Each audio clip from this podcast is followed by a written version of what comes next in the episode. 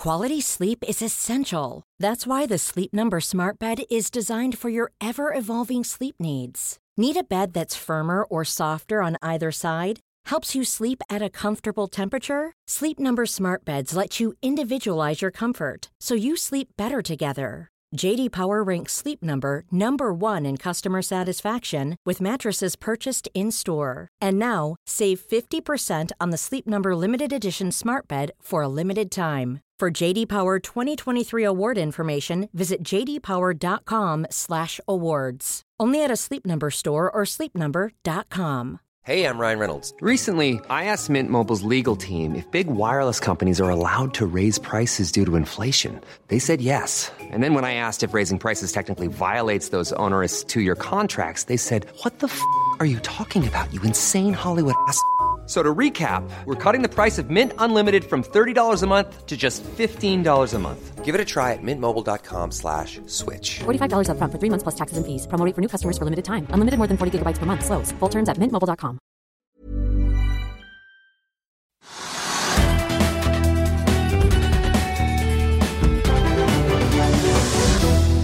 Velkommen til Økonominyhetene på denne torsdag 10. mars, der eh, markedene fortsatt preges av store svingninger og sprik. Spotprisen på et fat nordsjøolje deiset ned til 110 dollar i går kveld etter en uttalelse fra den ukrainske presidenten om at uh, man kanskje kunne få til et uh, kompromiss. Uh, den ligger nå på rundt 115 dollar og 50 cent igjen, så den har krøpet litt oppover. Men vi var jo altså helt oppe i over 130 dollar fatet i går, så her svinger det time for time. Den amerikanske lettoljen den ligger nå på 112 dollar fatet. Rundt oss i Europa så har vi fått et ganske kraftig tilbakefall på børsen i dag etter den oppturen vi så i går. og Futuresene på Wall Street peker også mot et fall i det amerikanske markedet når det åpner om en time times tid. Hovedindeksen her hjemme prøvde seg på en liten opptur tidligere i dag, men er nå så vidt i rødt territorium på rundt 1190 poeng. Hovedindeksen trekkes ned av bl.a. Equinor, som er ned 0,8% mens oljeaksjene Aker BP og Vår Energi stiger 3,8-1,9 og Aker BP får nok litt drahjelp av at meglerhuset Pareto har jekket opp sin anbefaling på aksjen. En annen stor aksje som stiger kraftig i dag, er Norsk Hydro, som er opp 4,4% selv på et ganske kraftig fall i aluminiumsprisen på 10% Og så er det verdt å merke seg at eh, teknologiselskapet Mintra suser opp Eh, både på omsetningslisten og også i kursutslaget i dag, opp 7% det har ikke kommet noen nyheter fra selskapet, men tidligere denne uken ble det kjent at eh, bl.a. Johan H. Andresens Ferd går inn på eiersiden. Og så er det jo den litt finurlige utviklingen i mobilselskapet Ice. Den aksjen er opp 68 i dag, etter en oppgang på 95 i går. Den ble suspendert i handelen pga. de voldsomme utslagene. Og eh, dette skjer altså etter at det allerede er kjent at uh, teleselskapet Lyse i Rogaland altså kjøper mobilvirksomheten til Ice. Noe som vil gjøre at selskapet kan bli kvitt gjelden sin, men aksjonærene blir likevel ikke sittende igjen med noe særlig mye. I dagens sending får vi besøk av Fondsfinans Erlend Lødemel, som uh, skal fortelle oss hva som skjer i rentemarkedet om dagen, men først skal vi ta en titt på litt andre nyheter og eh, hva som skjer på makrofronten. Eh, vi får jo merke oss at eh, Rex Silicon er opp ganske kraftig i dag. Arctic Securities-analytiker Daniel Stenslet trakk jo i et børsintervju i Finansavisen frem en av aksjene som sine favoritter. Han mener markedet priser inn en for lav sannsynlighet for gjenåpning av Moses Lake fabrikken og en vesentlig økt motivasjon for å bli selvforsynt eh, med innsatsfaktorer til solcellepaneler og batterier, som gjør en gjenåpning mer sannsynlig. I toppen av vinnerlisten finner vi også Green Energy Group, som tidligere var kjent som eh, seismikkaksjen Seabird Exploration. Den har hoppet opp på eh, mellom 30 og 40 i dag, etter at Stig Myrseth onsdag omtalte aksjen på forumet Ekstrainvestor. Den tidligere Dovre-forvalteren eier selv aksjer i selskapet både privat og gjennom holdingselskapet sitt Mil Holding. Før vi går videre i sendingen, husk at du også kan se sendingene våre ved å gå inn på fano-tv, og at vi også har andre podkaster enn bare Økonominyhetene, som Morgenkaffen, Gründerpodkasten Veien hit, Ukens vintips, Kunstpraten og bilpodkasten Mil etter mil. De finner du ved å søke Finansavisen, der du hører på podkast. Nå skal vi snakke lønnsoppgjør, inflasjon og prisvekst. SSB slapp i morges inflasjonstall som viste en overraskende høy prisvekst i Norge. Konsumprisindeksen hoppet 1,1% fra januar til februar. Og ser man på utviklingen fra februar i fjor, så er prisene nå opp opp 3,7% opp fra 3,2 på årsbasis i januar. Kjerneinflasjonen er også bykset ganske kraftig opp. Det er da inflasjonen uten endringer i energi eller avgifter. Den var på 1,3% på årsbasis i januar og lå nå på 2,1% i februar. SSB peker på at det er eh, særlig matvareprisene som hadde en uvanlig høy månedsendring fra, altså i februar, på hele 4,5% i tillegg til at drivstoffprisene fortsetter å eh, ligge i en stigende trend. I USA har vi også fått ferske inflasjonstall nå akkurat mens sendingen startet. I januar var jo inflasjonen på 7,5% mens kjerneinflasjonen var på 6% og det var det høyeste nivået amerikanerne har sett siden 1982. Nå var det ventet uh, ifølge Wall Street Journal en inflasjon på 7,8, og den endte altså på 7,9 og 6,4 i kjerneinflasjonen. og Dermed ligger vi altså fortsatt på en uh, historisk høy prisvekst i uh, USA. Også her hjemme så har jo da det som heter TBU, Teknisk beregningsutvalg, altså gruppen som består av partene i arbeidslivet som kommer opp med det felles tallgrunnlaget for lønnsoppgjøret, kommet til det uvanlige skrittet at de faktisk kom med en oppdatering i dag på tallene sine. Det skyldes jo de voldsomme endringene som vi hele tiden ser i eh, tallmaterialet. Og det skjer også etter et eh, krevende fjorår. I fjor eh, tapte jo gruppene som holdt seg til den avtalte lønnsrammen i Norge, ganske mye kjøpekraft. Inflasjonen ble slett ikke de 2,7 prosentene som var ventet, som partene tok utgangspunkt i, men endte på 3,5% 18.2 sa jo TBU at de ventet en prisvekst i år på 2,6 Det var det mange som syntes var overraskende lavt.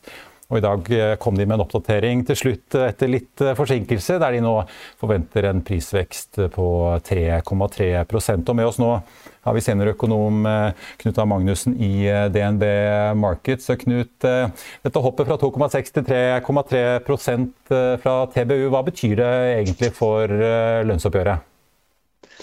Nei, det, Nei, det betyr, jo uh, ganske, ganske enkelt at man må ha vesentlig høyere nominelle lønnstillegg for å opprettholde kjøpekraften. Uh, og enda litt mer for å øke kjøpekraften, som uh, mange ønsker seg for dette oppgjøret. Så det er ikke noe tvil om at dette peker retning av et høyere nominelt lønnsvekst i år enn det man hadde sett for seg. Og det er jo en stor økning dette her i prisanslaget fra 2,6 til 3,3. Eh, så ehm, det illustrerer jo også at det er veldig stor usikkerhet nå om inflasjonen. Og det kan jo også gjøre at, ehm, at partene kanskje ikke fester så stor lit til dette anslaget som det de normalt gjør.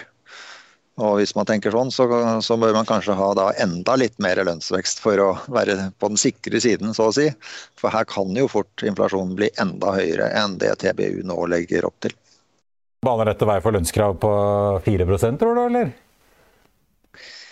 Det skal jeg ikke si for sikkert, men eh, jeg vil jo ikke være overrasket om enkelte grupper eh, havner der. og altså, når dette anslaget på 2,6 eh, kom, så hadde vi allerede da et anslag på 3,2.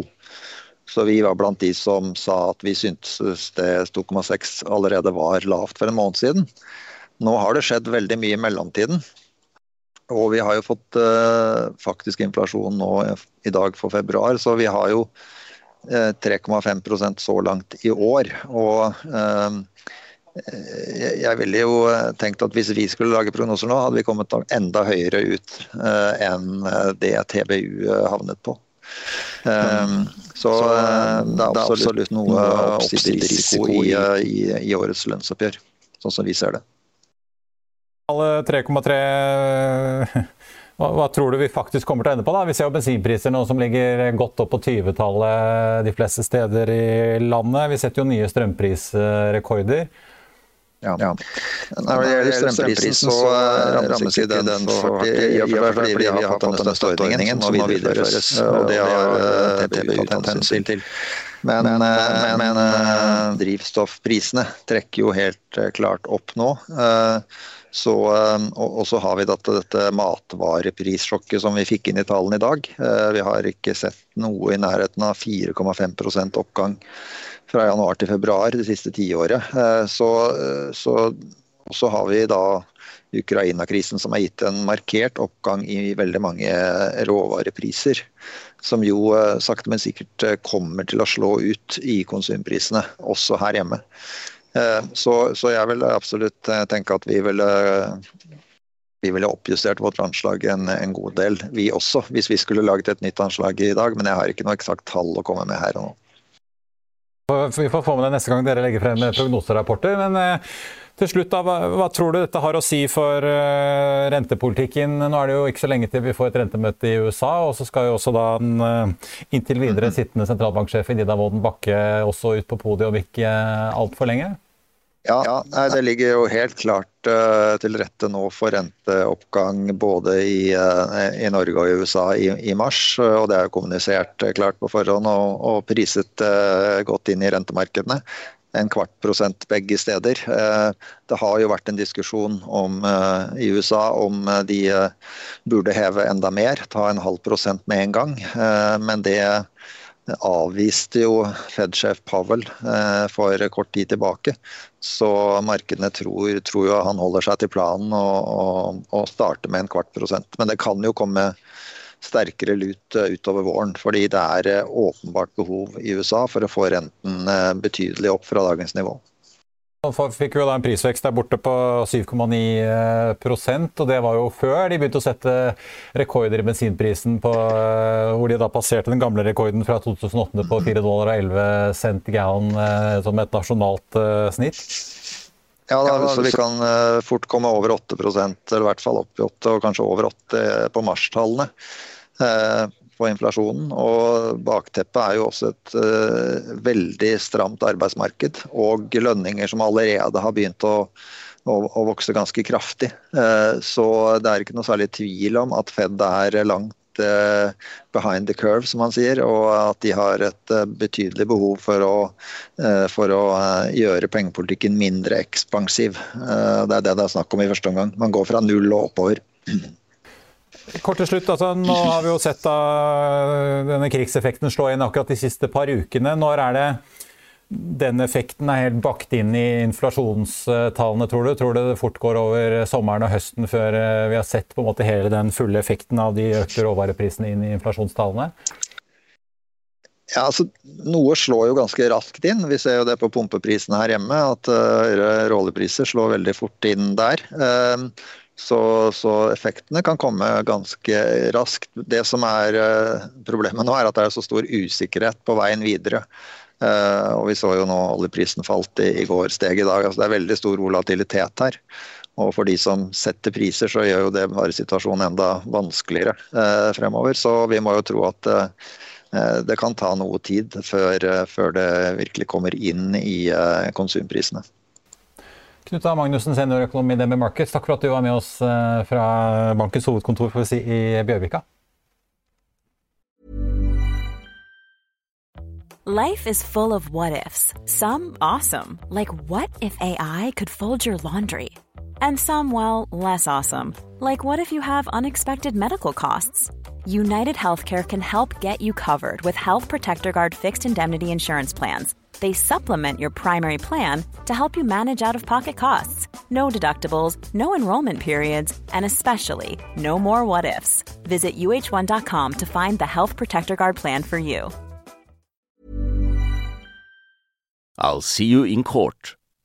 Vi sier det ofte litt på spøk, men for deg som driver business, er det aldri moro å innse at du ikke har laget en 100 gyldig kontrakt. Du bør ikke risikere hele firmaet ditt fordi du synes dette med kontrakter er litt stress. En avtale er ikke en avtale. Du kan miste kunder, miste venner, ja, til og med miste inntekter om du ikke lager en skikkelig kontrakt, på alt mulig, egentlig.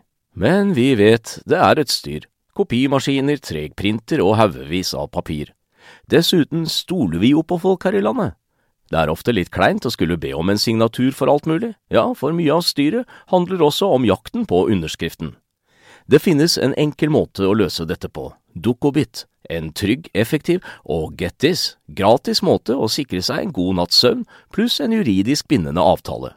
Dukkobit-appen har de strengeste sikkerhetskrav i bunn, samt en EU-godkjent og sertifisert teknologi.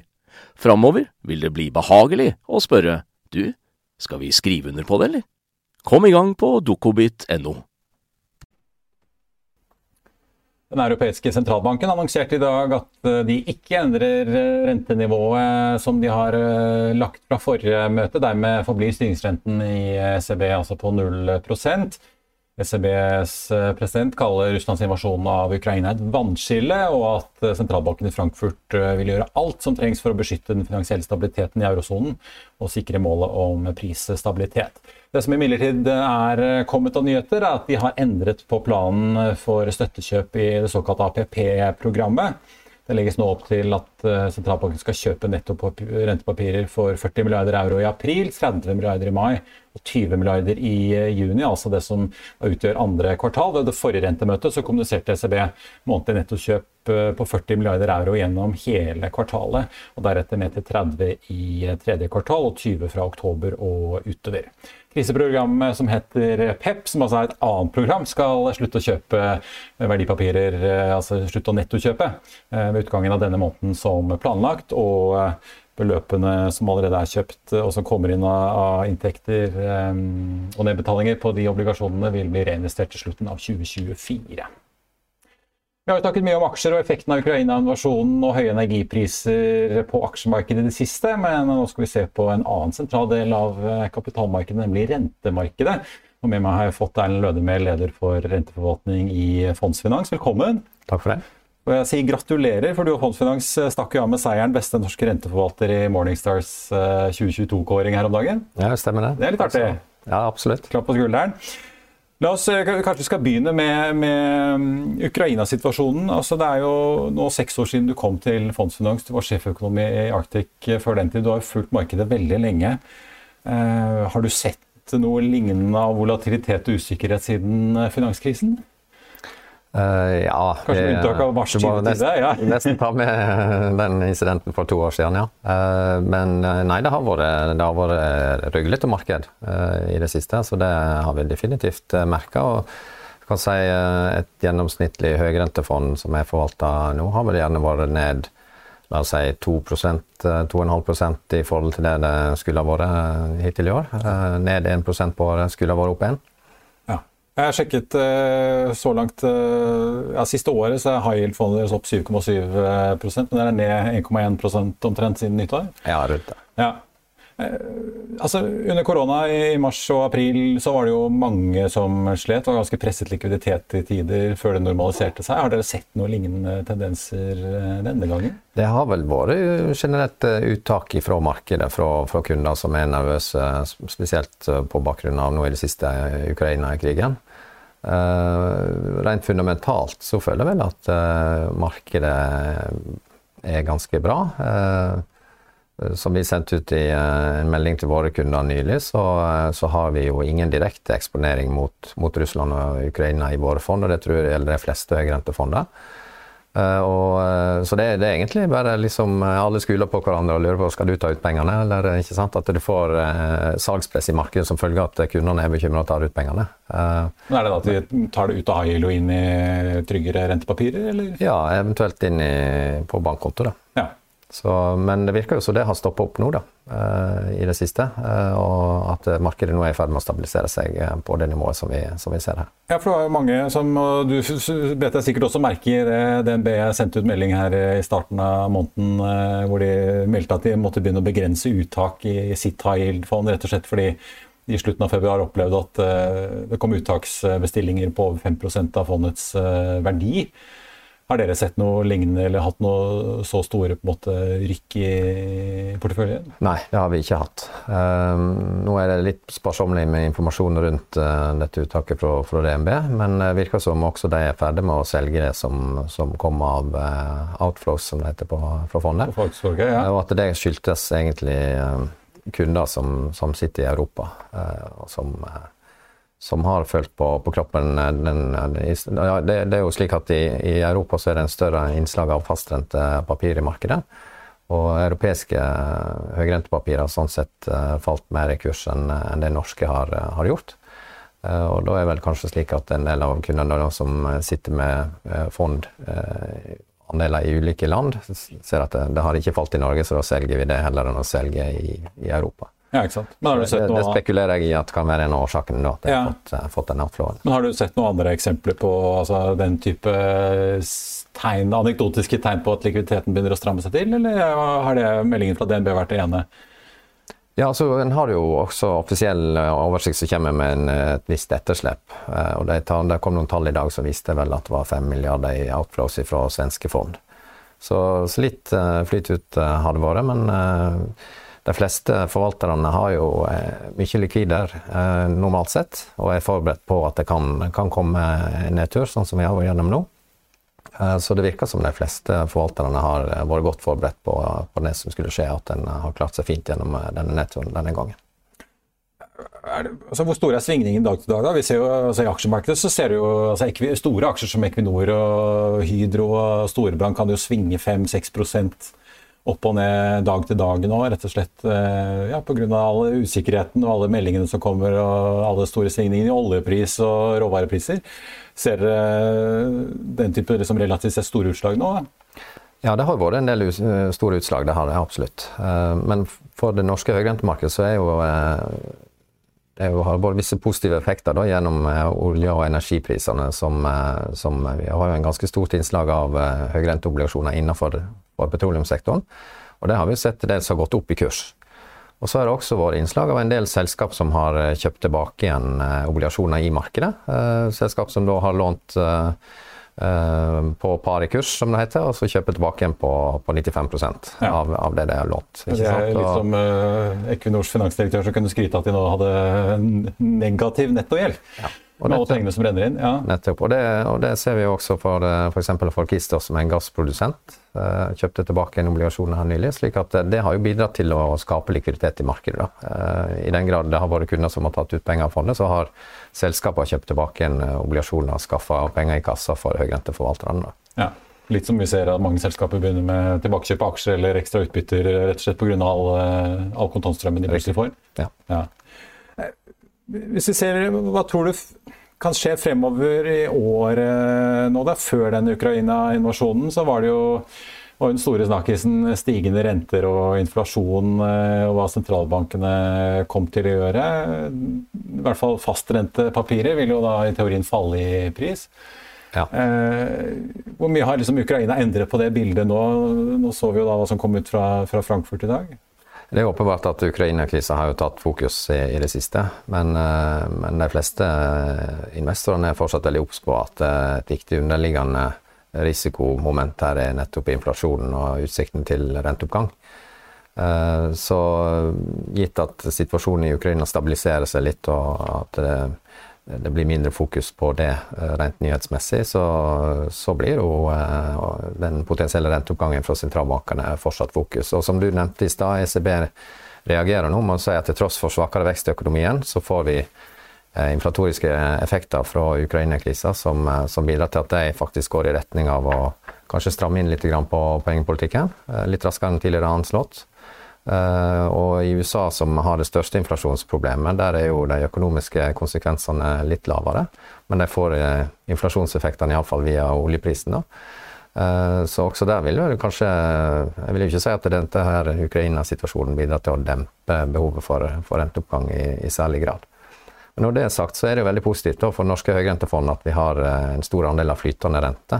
eh, Ja, det skulle si, Hva gjør du som renteinvestor? da? Du må kaste alle pengene dine i flytende, flytende papirer? da? Ja, og det gjelder vel mange norske høyrenteforvaltere allerede at en har en stor del av eh, investeringene i flytende rentepapir.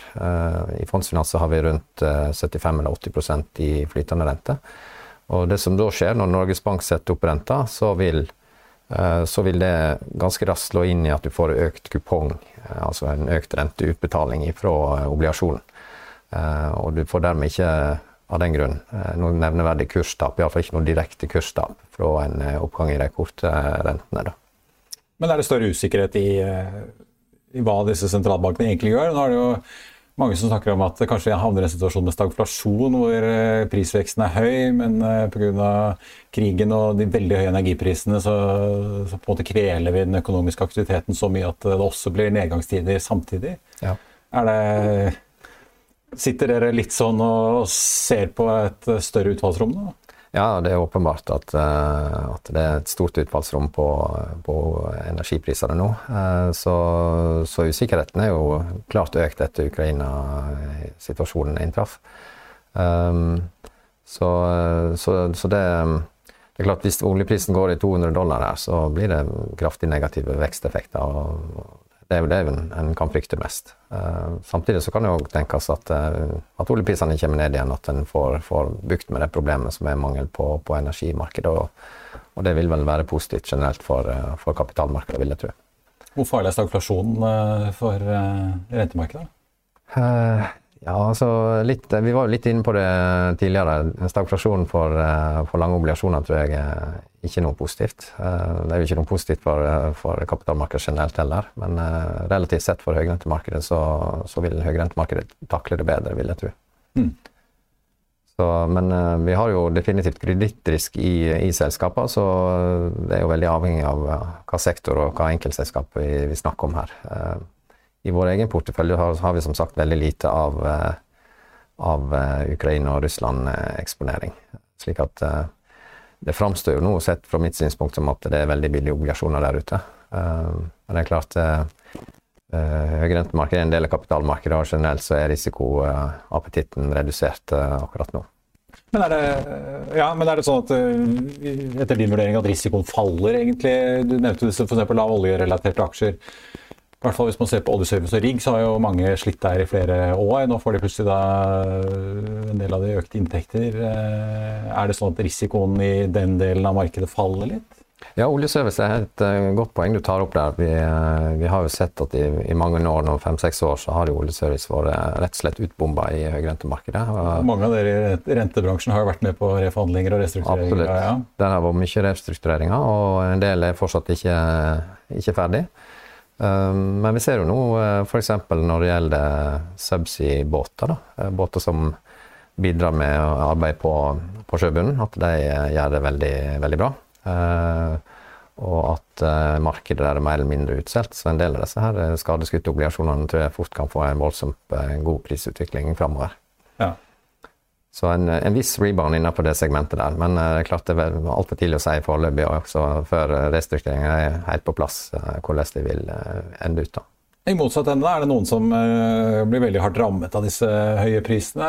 Denne uken har vi sett både Norske Skog og Yara melde at de må enten kutte eller trappe ned produksjonen sin på nedover Europa kraftig på flere anlegg, rett og slett fordi at gassprisene er så skyhøye. Mm. Er det liksom slår dette da ut eh, ja, positivt for olje- og oljeservice og gassrelaterte obligasjoner, men, eh, men i andre enden er det, er det, selskaper som nå er under press hvor kredittrisikoen øker? Ja, det kan du si. Men uh, eksempelvis Fertiberia, som produserer gjødsel i, i Spania, uh, som har en obligasjon utestående, de kom jo med kjemperesultat for, for fjerde kvartal, til tross for uh, høye priser, som du nevner der. Så en klarer altså å opprettholde ganske gode marginer ved å ta det igjen i andre enden, altså øke prisene, rett og slett. Ja. Men, det ikke, altså, du ikke, men du ser ikke noe sånn generell fare for at uh, de økte energiprisene slår ut så hardt at det er liksom kredittrisikoen øker i, i porteføljen? Det vil nok være en, en, en visst innslag av det, uh, men det kommer an på hvor stor prisingsmakt uh, de ulike sektorene og enkeltselskapene har. Ja. Så, så, det må en nesten se på på individuell basis. Hva tror du ellers om altså Da er jo selvfølgelig Ukraina den store jokeren, men hvis du ser på hvilke forventninger du har til markedet utover året ellers, da? Vi var jo i hvert fall på vei ut av en eh, pandemi og så en del gjenåpningssmerter i økonomien med, med mye press, en del logistikkproblemer, forsinkelser og tegn på at ting liksom begynner å komme i gang igjen. Eh, hvordan tror du resten av året da blir? Nei, det er jo veldig usikkert, som sagt. Eh, det er jo fare for at eh, Ukraina-konflikten vil eh, vedvare i, i, lang tid her. sånn. Så, så, vi skal vel på en måte ikke komme rett ut igjen av den situasjonen over i, direkte over i gode tider, holdt på å si. Så, um, men, men vi holder en knapp på at dette her kommer til å gå bra for norske høyrentefond, og våre egne inkludert. Så vi, vi tror nå hvis vi skal tippe at det er et godt kjøpstidspunkt, til tross for at usikkerheten er høyere enn normalt. Ja. Og, holdt jeg på å si, har vi sett hvor mye det svenske og finske markedet har falt i hvert fall på aksjesiden så langt i år. Er det så store forskjeller i, i rentemarkedet? Ja, det er det jo absolutt. Vi har vel et større innslag av energiobligasjoner i det, i det norske markedet relativt til de to andre landene du nevner der. Som har også i større grad kontakt med og, og økonomiske operasjoner i, i Baltikum f.eks. Erlend Lødemel i Fondsfinans, tusen takk for at du kom til oss. Og så får vi følge med om disse oljeserviceselskapene fortsetter å kjøpe tilbake gjelden sin. Takk skal du ha.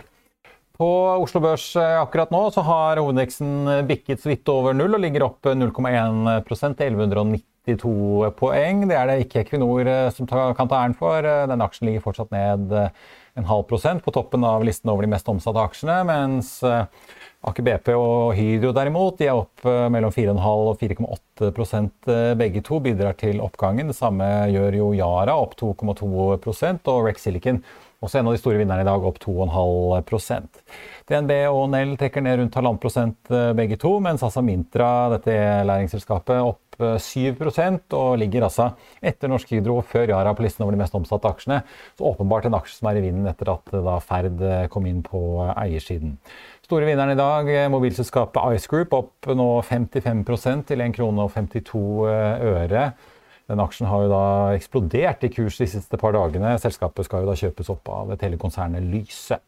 Nordsjøoljen ligger på 117,4 dollar fat i spotmarkedet akkurat nå. Det er en bedring på nesten 5% gjennom dagen, mens den amerikanske lettoljen ligger på 114 dollar fatet. Og futuresene i USA er fortsatt røde med litt over en prosent både på SMP og Nasdaq i forkant av åpningen der, om en snau halvtimes tid. I Finansavisen i morgen kan du lese Trygve Egnars leder om at lønnsoppgjøret blir et sirkus. Du kan lese om Sparebank1 Markets Lars Daniel Vestby, som foretar en rekke endringer i deres portefølje av anbefalte aksjer. Det blir børsintervju med forvalter Kristoffer Kallesen i Fondsfinans, og du kan også lese om strømselskapet Tibber, som henter 100 millioner dollar i frisk finansiering. Og musikkappen LimeWire, som gjør et aldri så lite comeback for de som husker den fra 2000-tallet. Det var det vi hadde for denne gang. I morgen er det fredag. Det betyr at vi er tilbake igjen på luften her klokken 13.30. Da kommer konsernsjef Svein Tor Holsæter i Yara for å snakke om den dramatiske situasjonen som selskapet opplever i energimarkedet, og ikke minst også det de da ser utspille seg i råvare- og matmarkedet. I mellomtiden får du som alltid siste nytt på finansavisen.no. Takk for at du så på. Vi ses igjen i morgen.